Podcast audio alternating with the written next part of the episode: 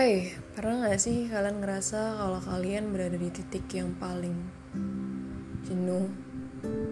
Kalian ngerasa kalau misalkan your life is worthless, nggak ada lagi yang patut kalian pertahankan di hidup ini? Atau mungkin kalian merasa sedih, sangat sedih, sampai kalian gak bisa menceritakan apa yang kalian rasakan? Atau mungkin kalian kehilangan seseorang yang kalian rasa sangat berarti di hidup kalian lalu seseorang itu pergi maka kalian ngerasa kehilangan bener-bener pernah gak sih kalian ngerasa kalau misalkan nggak ada lagi hal yang perlu dibicarain atau nggak ada lagi yang harus kalian berbagi dengan yang lain? Yang kalian rasa kayaknya lo gue pengen sendiri aja deh. Gue nggak pengen orang-orang luar ada di hidup gue atau masuk di hidup gue atau gue lebih baik sendiri deh. Gue menyelesaikan masalah gue sendiri. Kayaknya orang-orang gak ngebantu gue sama sekali deh. Malah memperkeruh suasana malah menambah keruh permasalahan gue. Kalau kalian pernah ngerasain atau ada di posisi tersebut yang tadi gue sebutin satu-satu Gue rasa kalian normal untuk ngerasa hal itu. Tapi gue rasa itu juga gak bagus untuk kalian berada dan berdinamika terus-menerus di posisi seperti itu. Karena kenapa? Karena semakin jauh lo mempush diri lo untuk jauh dari sosial, semakin jauh juga diri lo akan ngerasa terpuruk. Dan itu yang terjadi di gue gue sempat merasakan hal-hal yang gue sebutin tadi bahkan lebih parah. Gue sempat mengalami insomnia yang parah. Gue juga sempat kehilangan berat badan gue. Gue juga sempat nangis tanpa ada alasan yang jelas. Berkali-kali itu berulang terus gue ngerasa pernah ada di posisi yang gue nggak mau masuk kuliah ataupun gue nggak mau masuk kerja.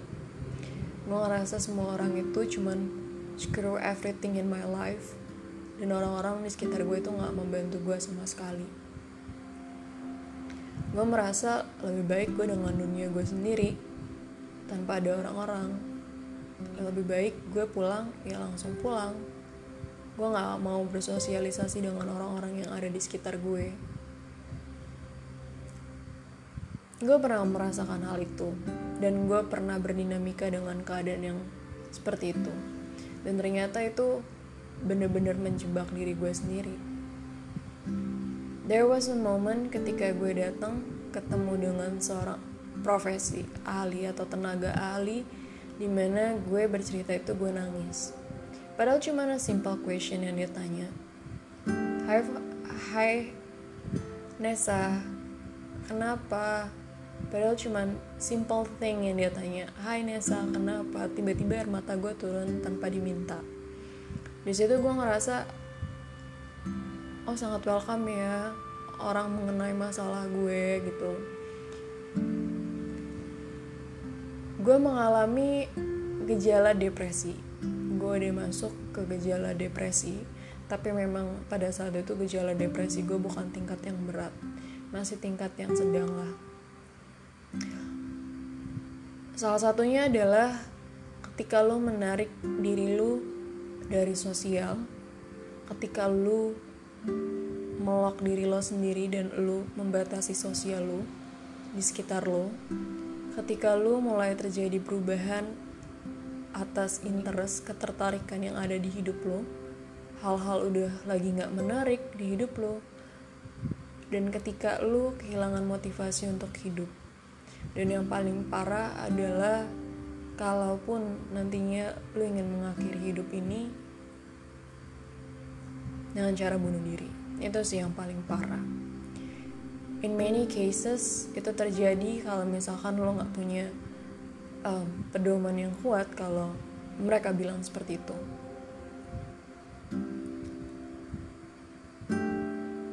Gue harap lo gak akan terus berdinamika di kondisi yang seperti itu kalau lo punya masalah lebih baik lo cerita kepada orang yang lo percaya. Atau setidaknya kalau memang lo merasa bener-bener sedih jangan ditahan. Gue rasa lo perlu nangis ya lo perlu mengekspresikan diri lo. Hal yang lain yang akan gue sarankan adalah lo melihat sisi positif setiap masalah yang terjadi sama lo. Gue pernah baca buku filsafat sekali Terkadang hal yang bagus kita cuma melihat itu adalah sebuah hadiah, tapi kita nggak pernah melihat kalau itu mungkin aja bukan hadiah, tapi adalah ujian.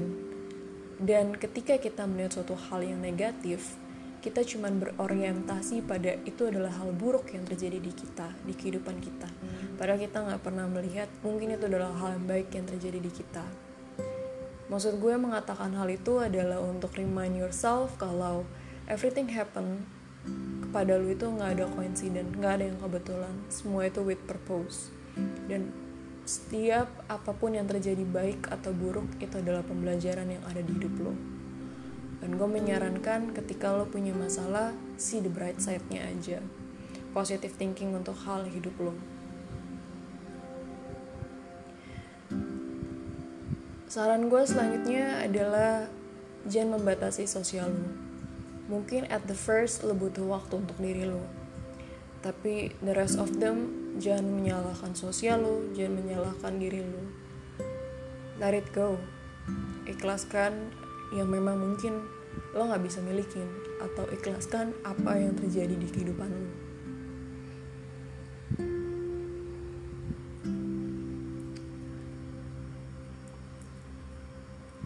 Saran gue yang selanjutnya adalah lo inget di luar sana masih banyak orang yang lebih kurang beruntung dibandingkan lo. Feel grateful for everything you've got right now. Banyak hal yang sebenarnya lo harus bersyukurin lo masih bisa hidup, masih bisa bernafas. Banyak di luar sana yang mereka struggling sebenarnya untuk hidup pun susah. Saran gue yang selanjutnya adalah Don't ever compare yourself to others. Jangan pernah bandingin diri lo dengan yang lain. Jangan menyiksa diri lo dengan blame, regret, hateful thing, apa pun itu. Be wise and be kind just to yourself. Karena ketika pikiran lo terkontaminasi atau lo berdinamika terlalu lama di dalam keadaan itu, itu akan ngebuat lo sendiri terperangkap di kondisi yang lo akan susah untuk melepaskannya karena itu akan bercampur dengan perilaku lo seperti apa dan cara lo berpikir, memandang dunia, memandang orang di kehidupan lo seperti apa. Lo akan mungkin hidup dengan firasat atau perasaan yang tidak tenang, atau lo mungkin akan dihantui dengan rasa-rasa penyesalan, rasa penasaran, rasa nggak ikhlas, dan lo akan memiliki kecemasan yang ngebuat lo nggak bisa tidur. Dan itu akan mempengaruhi cara lo berbicara dengan orang, cara lo makan, lo kehilangan selera makan, lo kehilangan berat badan, dan itulah yang gue bilang. I wish that you are happy more than right now.